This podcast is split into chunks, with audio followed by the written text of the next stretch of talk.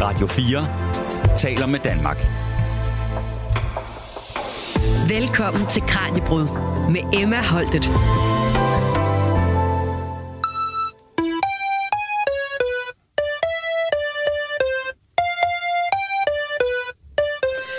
Det her, det var starten på Folkmar Struttukers nummer Bossa 1 fra albumet Project X-Ray Hydra, der er komponeret ved hjælp af intet mindre end kosmisk røntgen. Og det er netop røntgenstråling, som vi skal blive klogere på her i dagens program. Og på vores videnskabsekspedition her de næste 50 minutter, der ser vi altså blandt andet nærmere på, hvem strålernes opdager Wilhelm Conrad Røntgen han egentlig var, og hvorfor han blandt andet forærede pengene fra sin Nobelpris væk.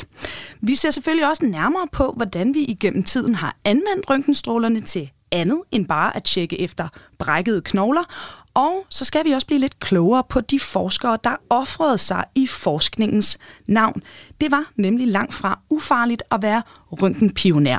Hertil der dykker vi også ned i, hvilke andre dele af videnskaben, der gennem tiden har krævet liv og lemmer af dem, der har kastet sig ud i farlig forskning. Velkommen her til dagens Kranjebrud. Du lytter til Radio 4. Og vores gæst i studiet i dag, det er Hans Bull, der er museumsinspektør på Steno-museet, der er en del af Science-museerne på Faculty of Natural Sciences ved Aarhus Universitet. Hans, velkommen tilbage her til Kranjebrud. Tak skal du have. Og, øhm, og vi starter vel med det helt basale. Hvad er en røntgenstråle egentlig? Røntgenstråling, det er lys, ligesom det lys, der gør, at du og jeg kan se hinanden. Forskellen er bare, at bølgelængden af lysbølgerne i røntgen er mellem 10 og 100.000 gange mindre end synligt lys. Og det betyder altså, at øh, den enkelte lyspartikel har meget, meget mere energi i sig. Og vi dykker mere ned i, hvad det er, de her røntgenstråler, de kan, og hvordan vi har anvendt dem både igennem tiden og også i dag. Men lad os lige starte med ham, der opdager strålerne. Wilhelm Konrad Røntgen. Hvem er han? Han er en tysk fysiker. Han blev født i 1845, og han døde i år for nøjagtigt 100 år siden.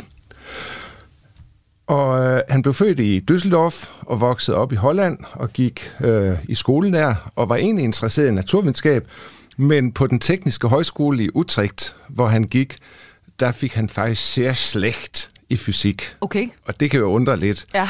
men det var ikke derfor, han blev smidt ud af skolen. For det blev han. Og det var fordi, der var en af hans kammerater, som havde tegnet en karikatur af en lærer, de ikke kunne lide. Og så blev Røntgen bedt om at angive, hvem af hans kammerater det var, der havde gjort det. Og det ville han ikke. Han var en mand af ære, der han ikke var ville en mand, stikke kammeraten. Han var en mand af ære, og det betød altså, at han blev smidt ud af skolen. Okay. Og øh, uden afgangseksamen, så var det rigtig svært at få en videregående uddannelse. Men så opdagede han heldigvis, at det kunne lade sig gøre i Zürich. Man skulle bare bestå en optagelsesprøve. Så i øh, 1865, der startede han på, øh, på den øh, tekniske skole i Zürich, og øh, fire år senere, så tog han doktorgrad derfra. Så fysikken fejlede altså ikke noget. Så altså, han klarer sig rigtig, rigtig godt, ikke? Det gør han faktisk, ja. ja. Og, og hvordan opdager han så, de kalder det jo X-strålerne ikke, på det her tidspunkt. Hvordan opdager han dem, og hvad er det for en teknologisk udvikling, hans gennembrud det også står på skuldrene af? Ja, på en måde er det lidt tilfældigt, han opdager dem, fordi egentlig så kigger han efter noget andet. Mm.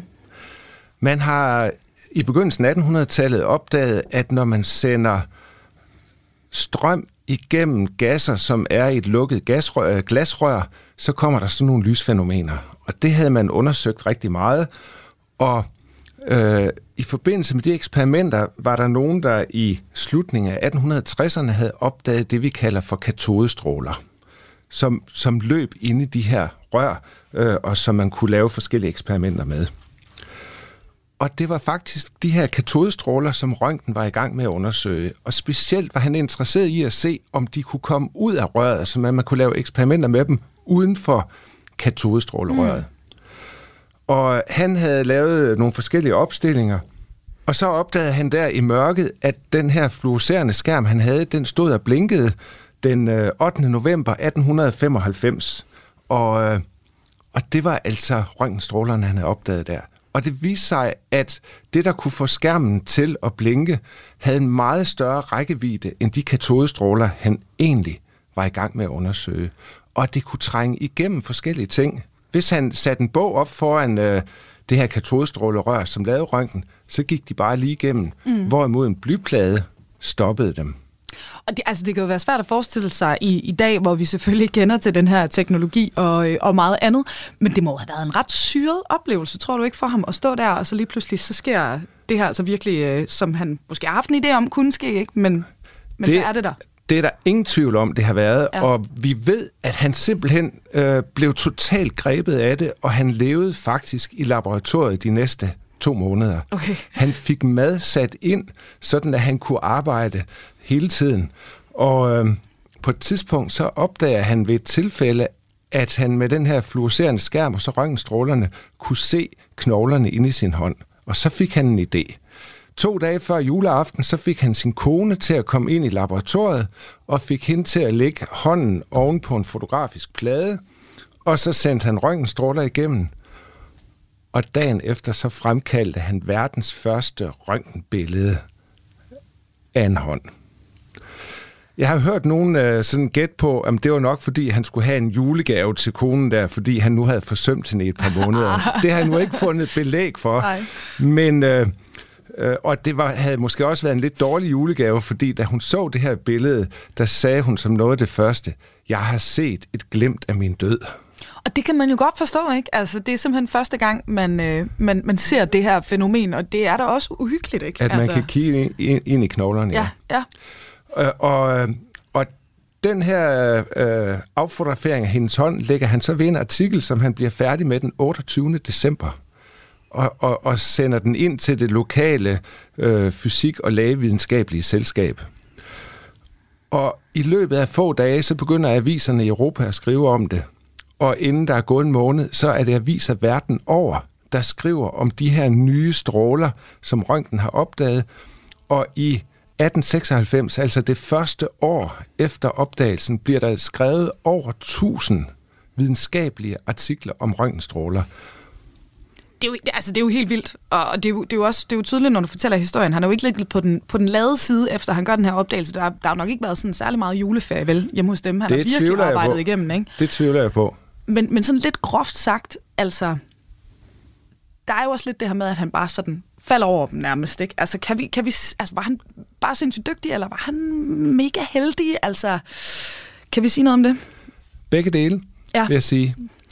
Fordi øh, det sjove er, at der var faktisk andre, der havde opdaget effekten af røntgenstråler før røntgen. Mm. Der var nogen, der havde undret sig over, at når de havde en fotografisk film liggende i nærheden af katodestrålerør, så var det samtidig, at filmen blev sløret. Og det er jo fordi, der har været røntgenstråler, de har bare ikke været opmærksom på det. Okay. Og der har røntgen den der helt særlige sensibilitet til at sige, det der, mm. det skal undersøges nærmere. Så når jeg siger, at han faldt over dem, så er det faktisk ikke rimeligt. Altså han har, han har for øje, at det her, det er, der er noget potentiale her på en eller anden måde. Ja, og egentlig er han jo på udkig efter noget andet, mm. men han, op, han erkender straks, at det her skal kigges efter. Og, og når man så kan sige, at han var lidt heldig, så vil jeg bare sige, at heldet, det forfølger den velforberedte. Ja, ja, ja og det, det må man virkelig sige er, er gældende i det her tilfælde. Ikke? Ja. Og en, en sidste ting, jeg lige skal forstå her, inden vi øh, hopper videre til næste kapitel, Hans. Er det rigtigt forstået, at Røntgen han sådan bevidst undlader at tage patent på den her røntgenteknologi? Hvad er der med det? Det er rigtigt, øh, fordi han kan jo meget hurtigt se, eller oplever jo, hvordan læger tager det til sig i løbet af ganske kort tid mm. og bruger det medicinsk. Og, og det synes han simpelthen er så vigtigt, øh, at det skal være til menneskehedens gavn, at han helt bevidst undlader at tage patent på metoden. Og så bliver han lige overhalet indenom, for Thomas Edison, han tager så chancen og patenterer røntgen teknologi i stedet for at få patentet og score kassen på det. Det er fandme strengt. Ja. Ja. Men altså, Røntgen bliver jo anerkendt i hvert fald for, for opdagelsen. Ikke? Han, han får jo faktisk også Nobelprisen. Men det er også noget med, at den, øh, der, der giver han altså også pengepræmien væk. Ja, han er selvfølgelig glad for hyldelsen, men siger, jeg skal ikke tjene på det der. Det er til, det er til menneskehedens gavn. Og øh, derfor så forærer han alle de her, jeg tror det var 50.000 svenske kroner dengang, til sit universitet i Würzburg. Hvor Det har vel været mange penge? Altså i, øh, det var, i det var samtiden, rigtig ikke? mange penge. Ja, I dag ja. er det jo mange millioner, man får mm. i Nobelprisen, mm. så, så det, var, det var rigtig mange penge. Men han sagde, at det skal altså komme øh, videnskaben til gavn. Så altså en, øh, en lidt anderledes, må vi sige, øh, personlighedstype, vi har med at gøre måske, end, øh, end de fleste af os. Han, øh, han lyder i virkeligheden som sådan en meget øh, ordentlig mand. Ordentlig og altruistisk, ja. Ja, ja. Og øh, vi skal nu videre her til næste kapitel i udforskningen af røntgenstrålerne i dagens program, hvor vi altså nu skal se nærmere på deres anvendelse. Radio 4 taler med Danmark. Og vi er i fuld sving her med Kranjebrød, dit daglige videnskabsprogram på Radio 4, hvor vi altså i dag ser nærmere på røntgenstråler. Og vores guide gennem den her fortælling, det er Hans Bull, der er museumsinspektør på Steno-museet, der er en del af Science-museerne ved Aarhus Universitet. Og øh, Hans, vi har været lidt inde på det, men lad os lige øh, øh, komme øh, mere ned i det nu. Altså, hvornår er det helt præcist, man begynder at, at udnytte strålerne medicinsk? Med det samme. Med det samme. Ja. Og man kan sige, at røntgen lægger jo linjen ved at bruge det her billede af sin kones hånd allerede i den første artikel, han indleverer. Og læger kan med det samme se, at det der, det er virkelig noget, vi har manglet. Øh, og der er eksempler på, øh, en af de allerførste øh, beskrevne eksempler, det er, det er øh, et, et, en patient, hvor der er en nål, der er knækket ind i hånden, og de kan ikke finde den, og så tager de et røntgenbillede, og så kan man tydeligt se, hvor den der metalnål, den sidder i hånden. Og til brækkede knogler og sådan noget, der er det jo også genialt. Så, så det er nærmest øjeblikkeligt, at man, man går i gang med det. Og hvordan gør man det i den her sådan, tidlige del af, af rynkens historien? Der er to måder, man kan gøre det på. Man kan enten lave et live-billede, hvor man lader røntgenrøret køre, og så har man den her fluorescerende skærm. Det er sådan et, et gulligt materiale, som lyser op, hvis det bliver ramt enten af ultraviolet stråling eller af røntgenstråler. Og så får man simpelthen et, et, et levende billede på, på den fluorescerende skærm. Så det er den ene måde.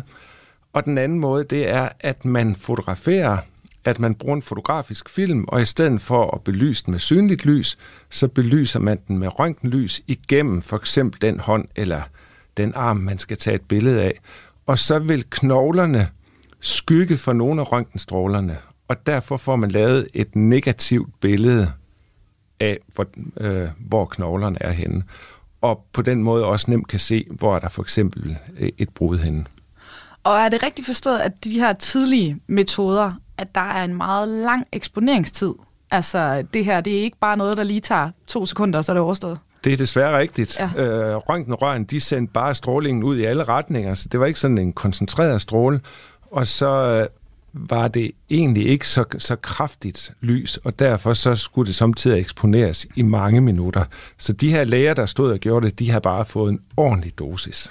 Ja, og apropos det, for nu har øh, vi jo sådan berørt det lidt i, i introen, men altså i dag er vi jo udmærket klar over, at øh, det her med røntgenstråling og øh, ja, altså at få, selvfølgelig kan man gå ind til lægen og få taget et billede af sin hånd, hvis den er brækket, men det er ikke noget, man sådan skal udsættes for i, øh, i større mængder, end hvad der er strengt nødvendigt. Hvornår går strålingens meget farlige bivirkninger op for forskerne? Det kommer faktisk også ret hurtigt, fordi der er nogle af de her tidlige røntgenlæger, som oplever, at de får sår på hænderne, mm. som de holder den her fluorescerende plade med.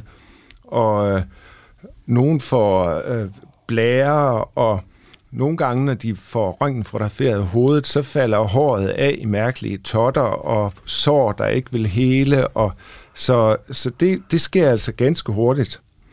Og efterhånden så begyndte de også at udvikle cancer, nogle af de her Ja. ja. folk, som havde fået sårene. Og der bliver man jo ret hurtigt opmærksom på, at det er altså ikke helt ufarligt. Mm. Men man kan sige alligevel på en måde for langsomt, fordi vi kender adskillige hundrede læger og sygeplejersker og andre, som vi ved er døde af røntgenstråling.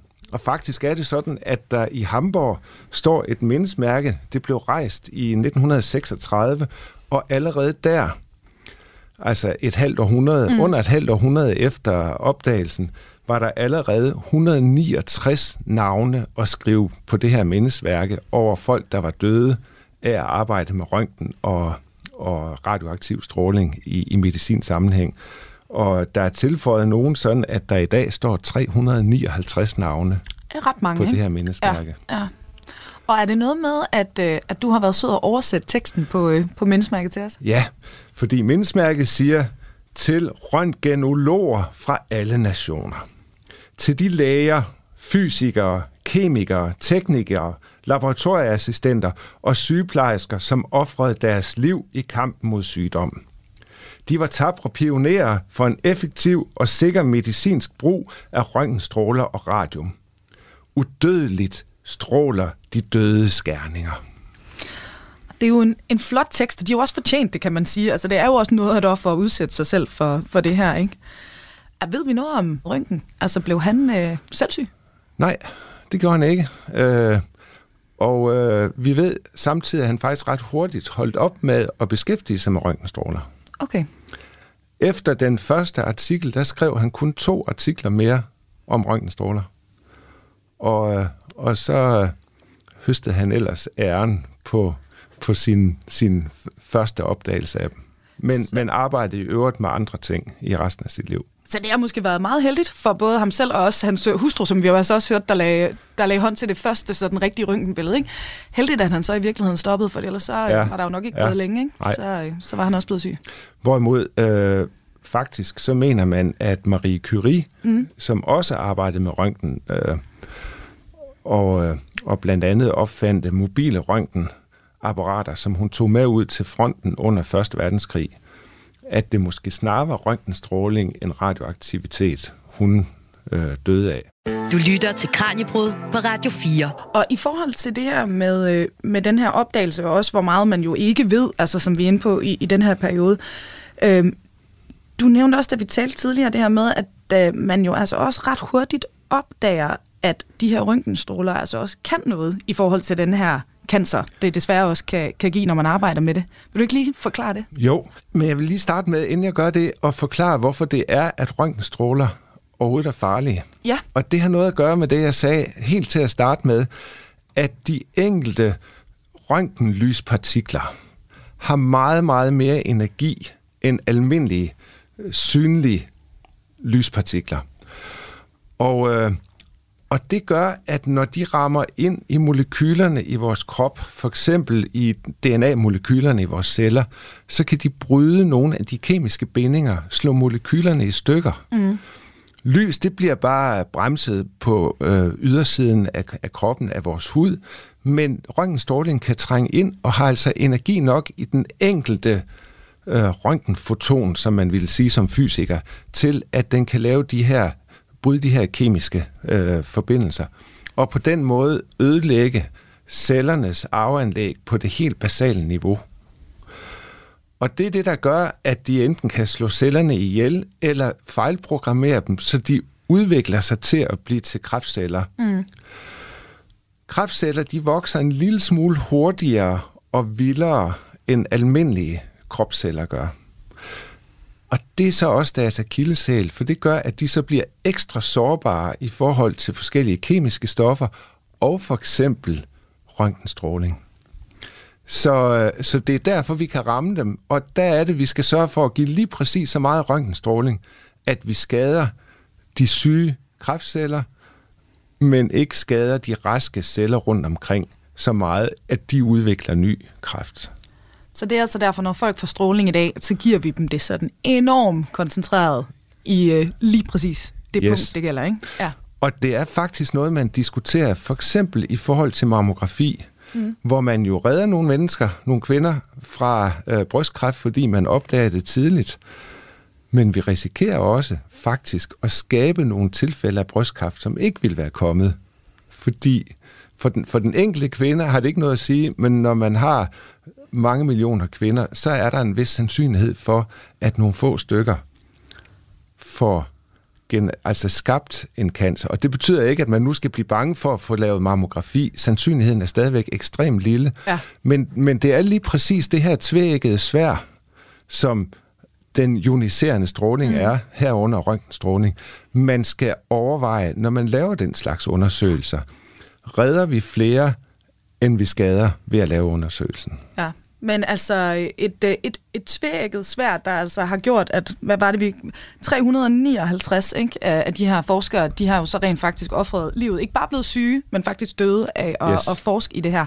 Og øh, heldigvis, så kan vi jo så konstatere, at vi har meget mere styr på det i dag, når, ja. vi, når vi arbejder med rynken. Ikke? Øhm, og øhm, lad os øh, lige hænge lidt ved det her med, øh, med sådan farlig forskning. Fordi jeg synes lige, vi skal tage et lille hop op i øh, helikopteren. Det er nemlig ikke kun røntgen, der altså har været farligt for videnskabsfolk gennem tiden. Der er nemlig masser af eksempler på mennesker, der har eksperimenteret på egen krop øh, for, øh, for vores andres sundhed. For eksempel så var der farmakologen Jens Hall og lægen Erik Jacobsen, der arbejdede for et medicinalfirma i midten af 1900-tallet. Og øh, de skulle finde et middel mod fnat og orme. De troede, at de var på sporet, fortæller museumsinspektør Malte Kouassi Bjergård fra Medicinsk Museum. Og øh, lad os lige høre, hvad han siger her. De har så fundet frem til et stof, som, som virker utrolig godt øh, i kaniner, og så skal det jo sådan til at tage næste skridt, og det er så at prøve det i mennesker. Øhm, og det, som er værd at tilføje, det er, at der faktisk er sådan en tradition på deres arbejdsplads for at, at teste medicamenter på dem selv. De, øh, de får et glas portvin, hver gang de giver øh, blod til et forsøg, og øh, til den årlige julefrokost, så uddeler de et øh, plastisk skelet til den, som øh, har eksperimenteret mest på egen krop. Så der er ligesom simpelthen en tradition på deres arbejdsplads for det her. Og så det, de så gør simpelthen, det er, at i stedet for at finde nogle forsøgspersoner, så tager de det her øh, stof selv for at se, om det også virker mod orme og fnat i mennesker. Og så, øh, de kan ikke mærke noget, det går fint, de går til frokost, og så har vi problemet. De drikker en, en lille øl, som jeg går dengang til maden, og får det utroligt dårligt. Og den kobling opdagede så, at det kunne måske bruges til noget. Det er simpelthen et, et middel, man måske kan bruge til at modvirke trangen til at drikke alkohol simpelthen. Så de går i gang med at teste det, og så kan de simpelthen i 1948 op, offentliggøre deres opdagelse og patentere pillen, som så bliver dybt antabus. Så den antabus, som mange har glæde af i dag, kan hjælpe dem med at tøjle deres uh, trang til alkohol, den bliver altså opfundet ved et uheld? Ja, det er jo det, som, som er svært ved opfindelsen af nye lægemidler. Det er springet fra forsøgsdyr til mennesker, ikke også? Fordi det så meget som andre pattedyr ligner os, så er de jo ikke os. Og det, det er jo svært at oversætte de her ting. Øh, altså, yndlingseksemplet er, at hvis man giver katte aspirin, så dør de. Eller hvis man giver marsvin penicillin, så dør de, men kun om vinteren. Og de fleste dyr kan ikke få kolera, for eksempel. Så der er sådan nogle ting, som man bare er meget svære at oversætte fra forsøgsdyr til mennesker. Men det var altså øh, et rent tilfælde, at den her læge og den farmakolog, de opfandt antabus. Er der eksempler på, at det er sket mere bevidst? At man har offret sig selv, kan man sige? Ja, det, det findes der jo utallige eksempler på netop, fordi der er, altså, der er en del fra de her historier, vi kan se, hvor lægen simpelthen synes, at de kan ikke udsætte andre for det. Et af de klassiske eksempler, det er en, øh, en tysk læge, som hedder Werner Fossmann, som i 1920'erne er meget fascineret af, hvordan man kan lave indgreb eller påvirke hjertet. Øh, det er sådan, at på det tidspunkt i historien, der er hjertet en af de sidste bastioner inden for kirurgi. Man tør simpelthen ikke rigtig operere derinde, for det er for farligt. Men Fossmann, han mener, at man kunne gøre noget øh, uden at åbne op, nemlig ved at bruge et kateter. Altså sådan en, et, et slags som siger, langt plastikrør, som man kan sætte ind øh, for at, ligesom, at få adgang til hjertet uden at åbne op igennem blodårene. Problemet er på det tidspunkt, at alle af hans kollegaer mener, at det er vanvittigt, og det øh, vil man dø af. Men han er simpelthen så stedig, at han tænker, at det her må jeg bevise, at jeg må gøre det på egen krop, fordi jeg kan ikke tillade andre at gøre det. Det eneste kateter, der er langt nok, det bruger man til urinvejsbehandling, og det er låst inde. Så han overbeviser en, en sygeplejerske om, at, at hun skal hjælpe ham. Og så kører han simpelthen et 65 cm langt kateter op igennem armen vanvittigt livsfarligt. Men han, det lykkes, han får den sat fast, og så får han, går han hånd i hånd med sygeplejersken ned på det lokale røntgenafdeling, får taget et billede, og så har han simpelthen bevis på, at man kan bruge kateter til at få adgang til hjertet. Og det, den, det billede udgiver han i, øh, i 1929, og det bliver et kæmpe øh, sådan, succeshistorie sådan i forhold til medierne. De elsker historien, men alle hans kollegaer synes, han er øh, skør eller sindssyg, og han bliver simpelthen fyret fra jobbet, og bliver sådan, simpelthen miskrediteret på den her, sådan det her øh, øh, stunt, kunne man godt kalde det, men også eksperiment. Og der er ingen andre hospitaler, der vil ansætte ham. Men har det altså en eller anden form for effekt? Altså er det en, en viden, der kan bruges til noget? Ja, helt klart. Altså, det er noget, som vi, vi bruger den dag i dag i måden til at, at tilgå hjertet, og hans opdagelse bliver videreudviklet af, to andre læger, André Cornan og Dixon Richards, som simpelthen perfekterer det og gør, at man kan bruge det til at, at give medicin igennem det her kateter, og det får de sammen med man får de simpelthen Nobelprisen for i 1956, så han bliver simpelthen genrejst på det her tidspunkt. Han overlever så heldigvis. Der er til gengæld mange eksempler på folk, der inden for altså både lægevidenskabet og, og det lægefaglige generelt, øh, har mistet livet på grund af, af, af stråling. Men er der andre eksempler på, at eksperimenter har kostet øh, folk inden for lægevidenskabet livet? Det må man sige. Altså, det, er jo, at det er jo farlige ting, de gør, og et, et, et eksempel, vi har, er fra Amerika i 1930'erne, en læge, der hed Edwin Katsky, som er besat af at undersøge, hvorfor nogle patienter reagerer på øh, kokain. Og det er sådan, at det her, på det tidspunkt så bruger man simpelthen kokain til lokal bedøvelsesmiddel. Man sprøjter det ind øh, for at kunne lave små, øh, mindre operationer, men nogen reagerer utroligt dårligt på det her. Og så, øh, så, så får han simpelthen den tanke, eller også så øh, vil han man tage sit eget liv, det diskuterer man stadigvæk, at han vil prøve at se, hvad der sker, hvis man tager en overdosis. Så han låser sig ind i sit eget kontor, og så tager han simpelthen 20 gange den anbefalede dosis kokain lige ind i sin blodåre, og så skriver han notater på øh, sin tavle, mens han langsomt får det dårligere og dårligere, og langsomt så simpelthen bliver lammet i kroppen. Øh, helt ikonisk skriver han øh, noget, til noget af det sidste, det er, at han ikke kommer til at gentage det her eksperiment, så han håber, at hans kollegaer vil tage den viden med sig. Og han dør, så er det, man finder ham næste dag. Og det tragiske er så, kan man sige, udover øh, dødsfald, det er, at hans notater på tavlen er så rodet og så usammenhængende, fordi han jo har taget en overdosis, at ingen vil tage det videre rent videnskabeligt. Så det er simpelthen, det bliver et, et, en tragisk selvmordssag, snarere end et, et tidspunkt, hvor vi lærer mere om, hvad, hvad overdosis gør ved kroppen fortalte her museumsinspektør Malte Kouassi Bjergård fra Medicinsk Museum. Er altså nogle, nogle ret vilde historier. Så den sidste her, ikke Hans? Ja. Og vil du lige knytte et par kommentarer til det, øh, vi hørte Malte fortælle her?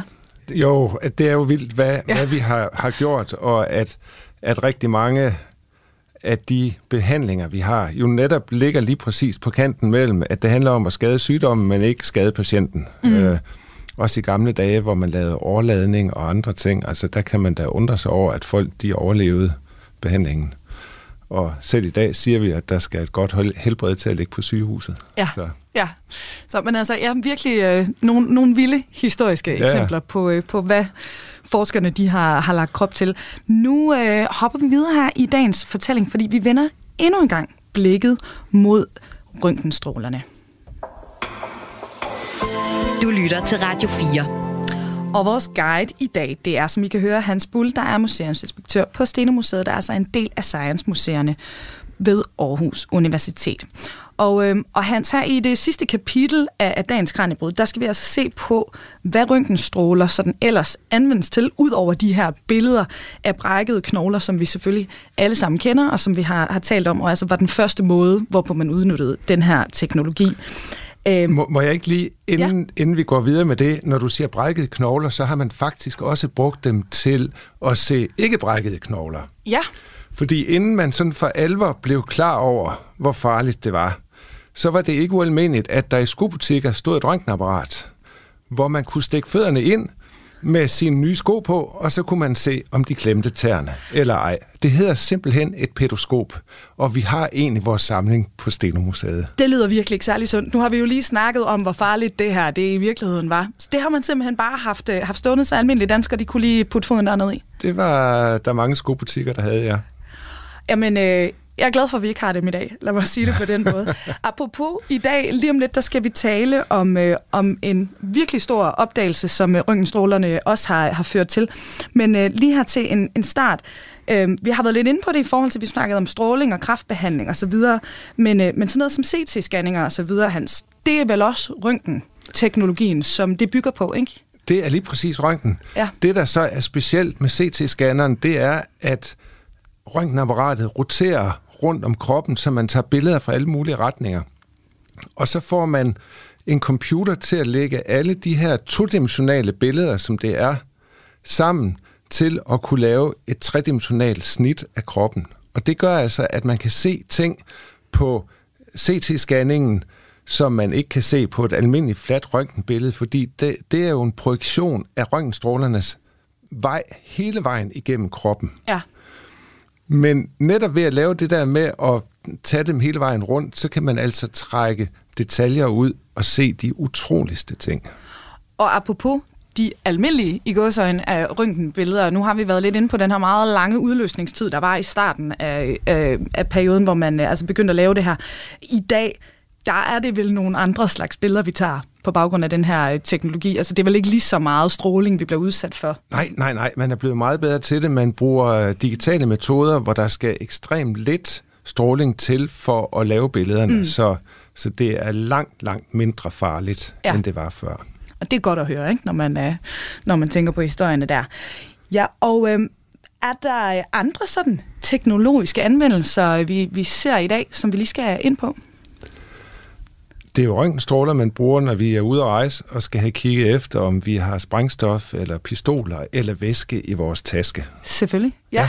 Ja, altså bagagekontrollen Bagagekontrol, i, i øh, kontrol af svejsninger i industrien, og, og alle steder, hvor man har brug for at kigge igennem noget, hvor lys ikke kan trænge igennem, der kan man bruge røntgenstråler. Der kan vi, øh, der kan vi anvende det. Og øh, altså ud over den her type anvendelse, røntgenstrålerne, de fører jo altså også til opdagelsen af intet mindre end, end radioaktiviteten, og det vi i dag ved om det. Hvordan sker det her? Hvad sætter den her proces i gang? Egentlig er det jo et udtryk for den her helt ekstreme begejstring, der er verden over, over røntgens opdagelse. Og alle fysikere, stort set, mm. øh, de får bare lyst til at, at, at finde deres lille fli af, hvad er det, røntgenstrålerne kan. Ja. Og der er der blandt andet en fransk fysiker, der hedder Becquerel, som er interesseret i at se om selvlysende sten, og det er de, fordi det er nogle uranmineraler, om de udsender røntgenstråler, når de er selvlysende. Og de bliver selvlysende ved, at de kommer ud i solskin og bliver udsat for, for kraftigt lys og ultraviolet lys, og så når man tager dem ind i et mørkt rum, så lyser de op. Og det kan man se. Og det han ville se, det var, om de også udsendte røntgenstråling. Men da han skulle til at lave forsøget, så var det overskyet mange dage i træk, og han troede, at de skulle være selvlysende, for de kunne noget. Så han lagde stenene, og så den der fotografiske plade, som han ville undersøge, om der kom røntgenstråling med, ned i en skuffe. Og der lå det så en uge, mens det var overskyet. Og da han så skulle til at lave forsøget, så tænkte han, ah, jeg er nok nødt til lige at tjekke, at den her plade, den er okay, mm. øh, den fotografiske plade. Så han fremkalder den, og så kan han se, at den er voldsomt sværtet, selvom stenen ikke har været udsat for sollys, og derfor ikke har været selvlysende. Han har altså opdaget, at stenen udsender en slags stråling af sig selv, som ikke har noget med det, at den er selvlysende at gøre. Og, og det, er jo, det er jo ligesom røntgen, det er jo, det er jo øh, det er også tilfældigt. Mm. Men han gør jo kun den tilfældige opdagelse, fordi han er så systematisk en eksperimental fysiker, at han tjekker, at den her film ikke er blevet sværtet, ja. inden han går i gang med at lave eksperimentet. Men det er radioaktivitet, han opdager der. Øh, og det gør han øh, allerede året efter. Det er 1896, og det skriver han en artikel om. Og øh, det er den opdagelse, som stimulerer Marie og Pierre Curie til deres berømte øh, undersøgelse af radioaktivitet, hvor de øh, opdager, at det er uran, det kommer fra, men de opdager også nogle nye grundstoffer, som er radioaktive, nemlig radium, ja. som jo betyder noget, der stråler, og som man i øvrigt også bruger medicinsk, og så polonium, som øh, Marie, hun opkalder efter sit hjemland. Og, øh, og altså, som du sagde tidligere, så er det altså måske røntgenstråling, hun, øh, hun faktisk også er, er ja. blevet alvorligt syg af. Ja. Ikke? Ja. Og, og, og der kommer det altruistiske element jo også ind, mm. øh, fordi hun kunne jo bare være blevet under hjemme under Første Verdenskrig, og så have lavet sine fysikundersøgelser. Mm. men hun har viden om, hvordan røntgenapparater fungerer, og finder altså på, som jeg sagde før, at lave nogle transportable røntgenstationer, som hun kan køre ud til bag ved fronten ved de her skrækkelige øh, skyttegravskrige. Og så øh, soldater, der kommer ind med, med fragmenter fra granater og sådan noget, som man ikke kan finde, så kan man tage røntgenbilleder og præcis se, hvor er det, man skal operere det ud. Men det var jo altså som sagt i den her periode, hvor man ikke helt havde styr på, hvad det var, de her stråler, de, de kunne. Øh, fordi samtidig med, at brugen af røntgenstråler, den, den sådan ligesom breder sig eksplosivt, så arbejdede fysikerne ihærdigt altså på at finde ud af den egentlige natur, når det kom til de her røntgenstråler. Hvordan foregik det, Hans? Altså, i begyndelsen er de jo fuldstændig i vildrede med, mm. hvad det er. Øh, de kan se, at de er i hvert fald ikke elektrisk lavet, ligesom øh, de der katodestråler, som lavede dem. Og på nogle måder, så opfører de sig ly- ligesom lys. De bevæger sig i rette linjer, og man kan sætte noget op, der skygger for dem, og så kan det kaste skygge. Mm. Det er jo mm. derfor, vi kan tage billeder med dem. Men man vidste jo også, at lys, hvis man sender det igennem et prisme, så bliver det afbøjet. Hvis man sender det ind mod et spejl, så bliver det reflekteret i en ny retning. Og når man gjorde det med røntgenstrålerne, så skete der ingenting.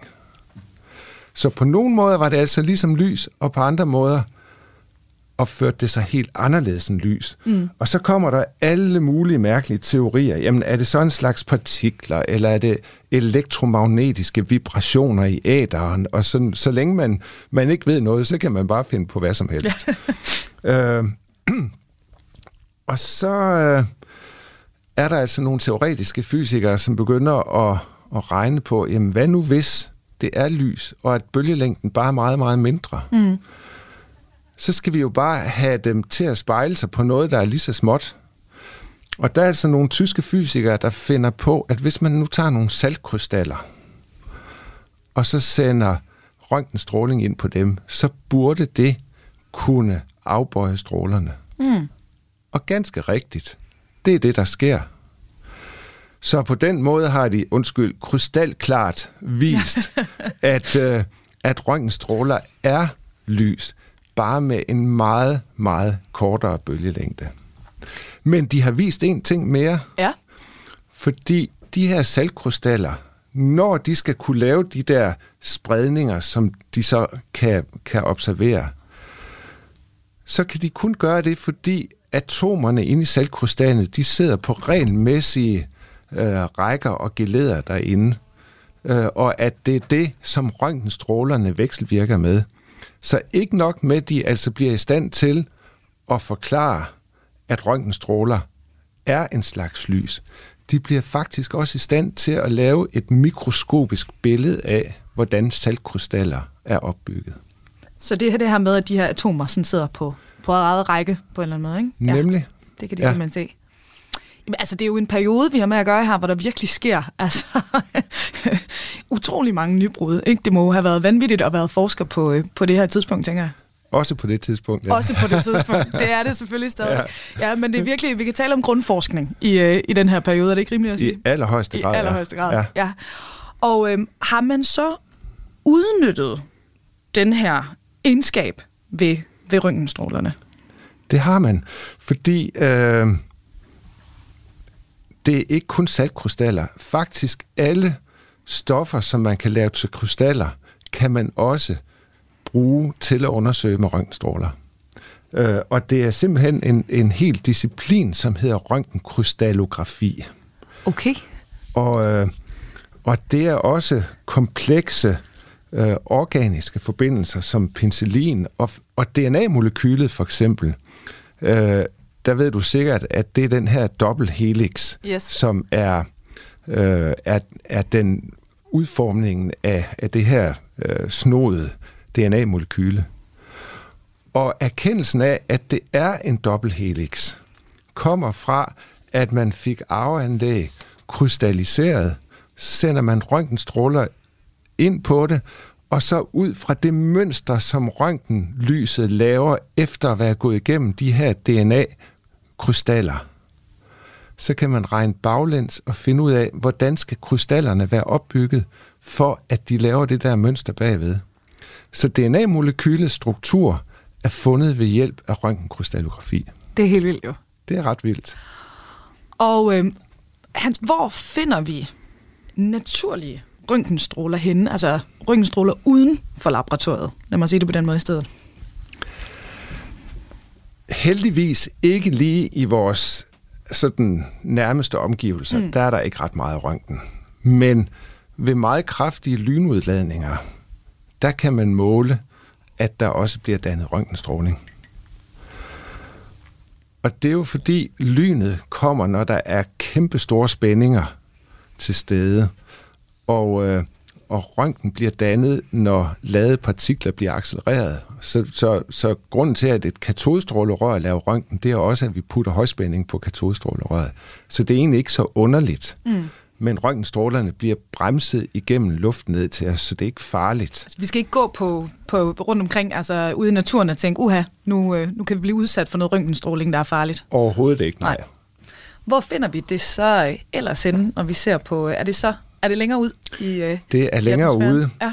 I verdensrummet er der masser af røntgenstråling.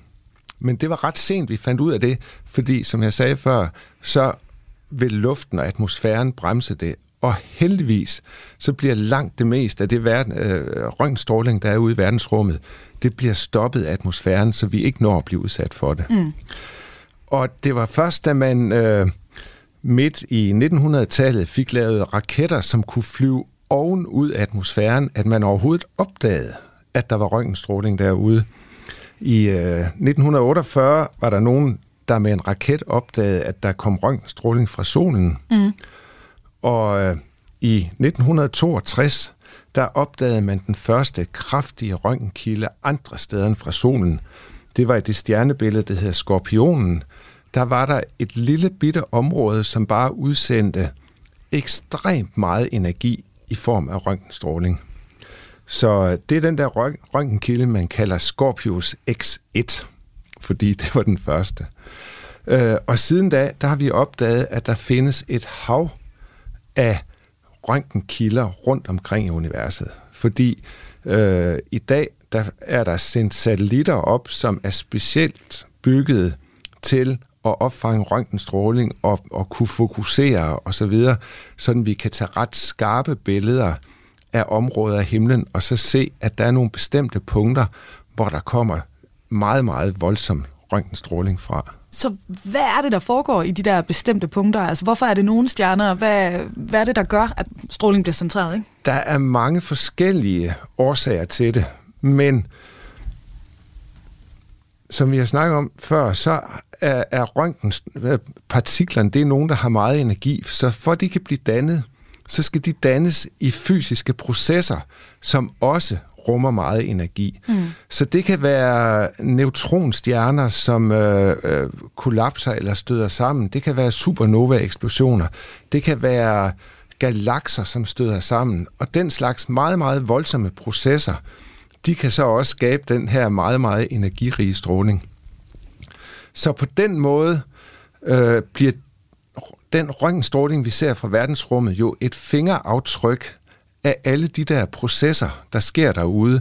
Og så sidder der jo øh, fysikere og astrofysikere og regner på, hvad er det for nogle processer, der kan frembringe røntgenstråling, og så prøver man at få det til at hænge sammen med vores modeller for kvasarer og for galakser og for neutronstjerner og, øh, og ser, hvad er det for nogle fænomener, som sandsynligvis kan give anledning til den her røntgenstråling. Og, og det er jo det moderne astronomi. Det er hele tiden øh, en kombination med et dybt kendskab til, hvordan naturen er indrettet, mm. og så bruge det til at fortolke den stråling, der kommer ude fra verdensrummet. Jeg ved ikke, om det er et helt godt billede, men øh, jeg prøver alligevel, at hvis du nu forestiller dig, at du står og kigger på fyrværkeri, ja så ved du godt, at der kommer nogle ting op, som ikke giver ret meget lys og giver et ordentligt brag. Øh, andre de giver rødt lys, og nogle de giver hvide stjerner, der glimtrer længe efter og sådan. Hvis du ved, hvad der frembringer de der processer, så kan du også regne baglæns ud fra din observation og sige, hvad var det lige præcis for en type fyrværkeri, der røg af i det der tilfælde. Ja. Og det er jo egentlig det samme, vi gør ved, at fænomener ude i verdensrummet udsender lys i alle mulige bølgelængder. Der er infrarødt lys, som egentlig er varmestråling. Mm. Der er det synlige lys. Der er ultraviolet lys, der er røntgenstrålingen, og der kommer også gammastråling, som er radioaktiv stråling. Mm. Og alle de her forskellige typer stråling er udtryk for forskellige typer af fysiske processer, og vi kan se forskellige ting ved at holde øje med de forskellige bølgelængder. Det synes jeg var et godt billede øh, på det, Hans. Og vi, vi nærmer os jo så småt slutningen her på dagens Kranjebrud. Tiden går hurtigt, når vi står og, øh, og taler her i studiet. Og øhm, inden vi siger farvel, Hans, der skal vi altså lige nå at øh, kigge lidt i fremtiden. Jeg ved jo godt, at det er svært sådan at, øh, at tage krystalkuglen frem på, på den der måde. Men er der nogle nye teknologier, vi ved er på vej, eller vi kan gisne om er på vej, som også benytter røntgenstrålingen? Ja, nu er jeg jo ikke spormand, så Det jo det. øh, så det har jeg ikke, ikke øh, sådan noget helt klart bud på. Øh, jeg har ikke kendskab til noget, der er på vej. Men jeg er sikker på, at de teknologier, jeg har snakket om allerede, altså røntgen, øh, krystallografien, mm. det at tage billeder af øh, jamen alting, hvor vi gennemlyser, at det vil vi blive bedre og bedre til at kunne se flere og flere detaljer. For eksempel er det også sådan, at, øh, at ved bagagekontrol, der bruger man så forskellige, øh, tager man røntgenbilleder ved forskellige bølgelængder og sætter dem sammen, og så er det, man kan se simpelthen på røntgenbilledet, om der er væske i bagagen mm. eller ej, hvor, hvor forskellige typer materialer vil give forskellige signaler i røntgenapparatet. Og den slags ting, og også øh, hospitalernes brug af det, så vi skal bruge stadig mindre dosis og kan lave stadig mere detaljerede billeder. Altså, der vil hele tiden ske forbedringer. Men, men øh, jeg har desværre ikke øh, lige budet på, hvad der er sådan er det store, nye, revolutionerende gennembrud på det her område. Nu ved jeg jo, du har øh, med din baggrund en særlig interesse for, øh, for rummet. Ikke? Er, altså, er der noget i forhold til den forskning, der foregår der, også netop som du siger, altså det her med, øh, hvad man ligesom kan identificere og øh, spotte, er der noget her i forhold til, øh, til de her røntgenstråler, du sådan kunne være særlig spændt på, at man fandt et svar på? Altså, jeg tror, at der, hvor, hvor man sådan venter de store svar lige nu, det er et andet bølgelængdeområde end Ja. ja. lige præcis røntgen. Og det er det infrarøde område, og det er jo det, som James Webb Space Telescope øh, kigger i, fordi der kan vi kigge meget, meget langt væk og se det lys, som af universets udvidelse er blevet strakt ud og er blevet længere og længere i bølgelængden. Så selvom det egentlig ikke svarer på dit spørgsmål, så tror jeg, at det snarere er i det område end røntgenområdet, vi finder de næste rigtig store opdagelser. Og øh, der kan jeg sige til lytterne, det har vi altså også lavet øh, noget øh, kranjebrud om tidligere det her, så der kan I altså dykke ned i arkivet, hvis I vil høre mere om det. Og så ved jeg ikke, Hans, vi kan vel godt sådan love, at øh, så snart der kommer nogle flere resultater, så øh, kunne vi vel godt lave et program, hvor vi dykkede ned i det i stedet for, ikke? Det gør vi i hvert fald. Det gør vi. Ja. Det er det her med en aftale. Og øh, det bliver ordene i den her omgang af Kranjebrud. Vores guide i dag, det har altså været Hans Bull, der er museumsinspektør på Stenemuseet, der er en del af Science-museerne på Faculty of Natural Sciences ved Aarhus Universitet. Hans, tusind tak, fordi du var med igen, igen, igen her i Kranjebrud. Selv tak. Stor fornøjelse. Det er det altid.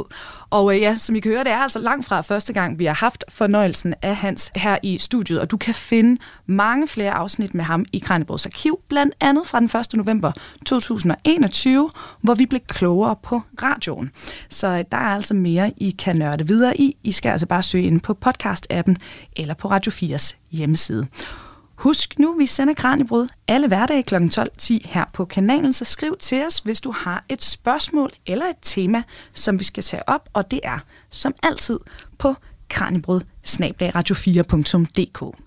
Nu er der ikke andet tilbage end at sige farvel. For nu, mit navn det er Emma Elisabeth Holtet. Programmet er produceret af Videnslyd for Radio 4. Og hæng på derude, for nu er det blevet tid til nyhederne.